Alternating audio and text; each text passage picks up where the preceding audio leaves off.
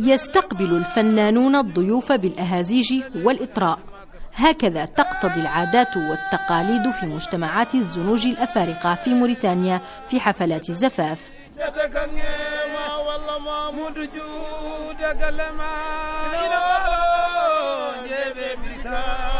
فلكل قبيلة قصائد مديح خاصة بها تثمن صنائعها وتذكر بأمجاد أجدادها وتثني على دورها في المجتمع. ويصدح المغني بكل حماس معتمدا على ذاكرته التي تخزن شعرا ونثرا وكثيرا من التراث الثقافي المتعلق بالقبائل. وعلى هذه الأنغام يتوافد الحضور لتقديم الهدايا للعروسين. وبحسب الطقوس تكشف صديقات عائلتي العروس والعريس عن الدعم المقدم لهما في جلسة علنية يتم فيها إحصاء كمية ونوعية المشاركة.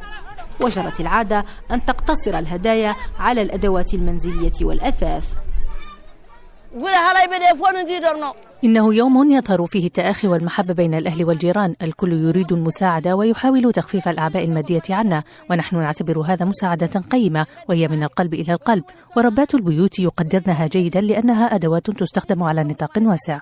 تعتبر هذه الجلسة العائلية جزءا هاما من طقوس الزفاف في الريف الموريتاني حيث يحرص سكان القرى المجاورة على تقديم هدايا رمزية ويتم تنسيق مراسم الزفاف مع الحرص على الحفاظ على العادات والتقاليد. فحفل الزفاف يعتبر أيضا مناسبة لعرض الأزياء وإظهار التسريحات التقليدية وإحياء التراث. لذلك تتسابق صديقات العروس على صالونات التجميل. التسريحة قد تستغرق يوما كاملا حسب طول وطبيعة شعر المرأة والإكسسوارات المستخدمة في تزيين الضفائر مع إمكانية إضافة الشعر المستعار عند الحاجة واختيار الخصلة الصغيرة أو الكبيرة. ومن أكثر التسريحات تعقيدا تلك التي يتم تصميمها أولا ثم توصل بشعر المرأة.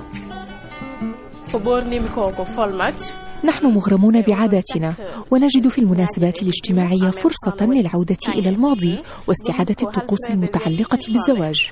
كل الأزياء والحلي التي نستعملها مصنعة محليا.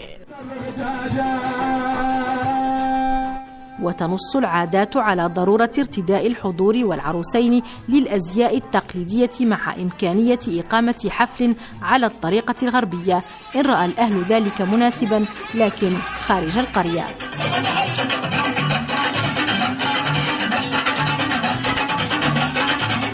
أما الرقصات الشعبية التي توارثتها الأجيال فتتطلب قوة بدنية لأنها تعتمد على القفز بشكل متكرر على إيقاع الطبول المصنعة محليا والتي تستخدم بأحجام متنوعة. ويتم التركيز عليها لكونها إشعارا بإقامة الأفراح. نتمنى لهم التوفيق في حياتهم الزوجية وأن يرزقهم الله الذرية الصالحة. نحن سعيدون جدا للعروسين. العروس صديقتي منذ الطفولة من كل قلبي أتمنى لها السعادة.